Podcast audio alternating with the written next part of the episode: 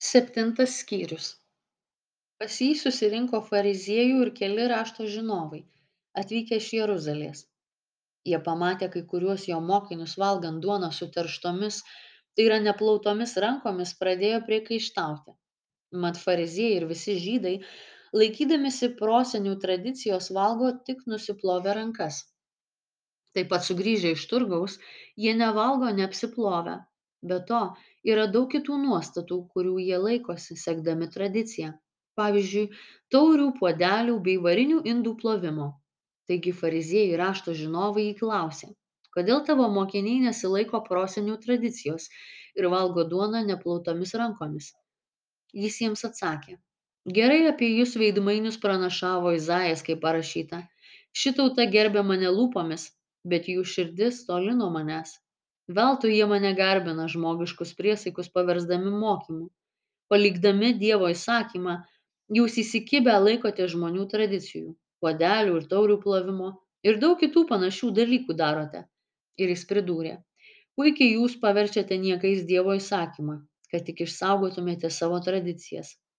Antai mozei sakė gerbk savo tėvą ir motiną ir kas keiktų tėvą ar motiną mirtimi temiršta o jūs sakote jei žmogus pasako savo tėvui ar motinai viskas kas tau būtų naudinga iš manęs tebūnie korban tai yra dovana dievui.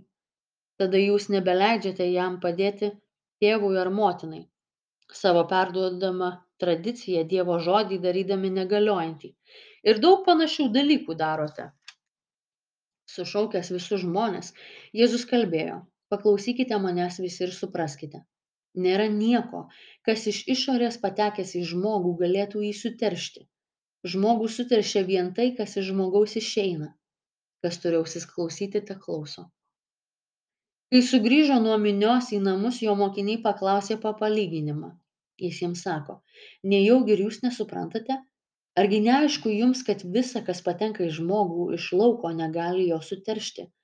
Nes nepatenka į jo širdį bet į vidurius ir išeina laukan ir taip išvalomas visas maistas. Ir jis pasakė žmogų suteršia tai kas iš jo išeina iš vidaus iš žmonių širdies. Išeina pikti sumanymai svetimavimai paleistuvystės vagystės žmogžudystės godumas piktumas klasta nesusilaikymas pavydas piktžodžiavimai išdidumas kvailystė. Visos tos blogybės išeina iš vidaus ir suteršia žmogų išvykęs iš ten jis nukeliavo į tyro ir sidono sritis užėjęs į vienus namus jis norėjo kad niekas apie tai nežinotų bet jam nepavyko to nuslėpti. Išgirdus apie jį moteris kurios duktė turėjo netyrąją dvasią atėjo ir puolė jam po kojų. Moteris buvo graikė kilimo sirofinikietė. Ji maldavo kad jis išvarytų iš jos dukrelės demoną. Jėzus jai tarė leisk pirmiau pasisotinti vaikams juk nedera imti vaikų duoną ir mesti šunyčiams moteris tarė. Taip viešpatie bet ir šunyčiai po stalu ėda vaikų trupinius. Tada jis tarė. Dėl šitų žodžių eik namo demonas jau išėjęs iš tavo dukters. Parėjusi namo ji rado dukrelę gulinčią patale ir demoną išėjusį palikęs tyro ir sidono sritis jis vėl atėjo prie galilėjos ežero į dekapolio krašto vidurį ten atvedė jam kurčią nebylį ir prašė uždėti ant jo ranką.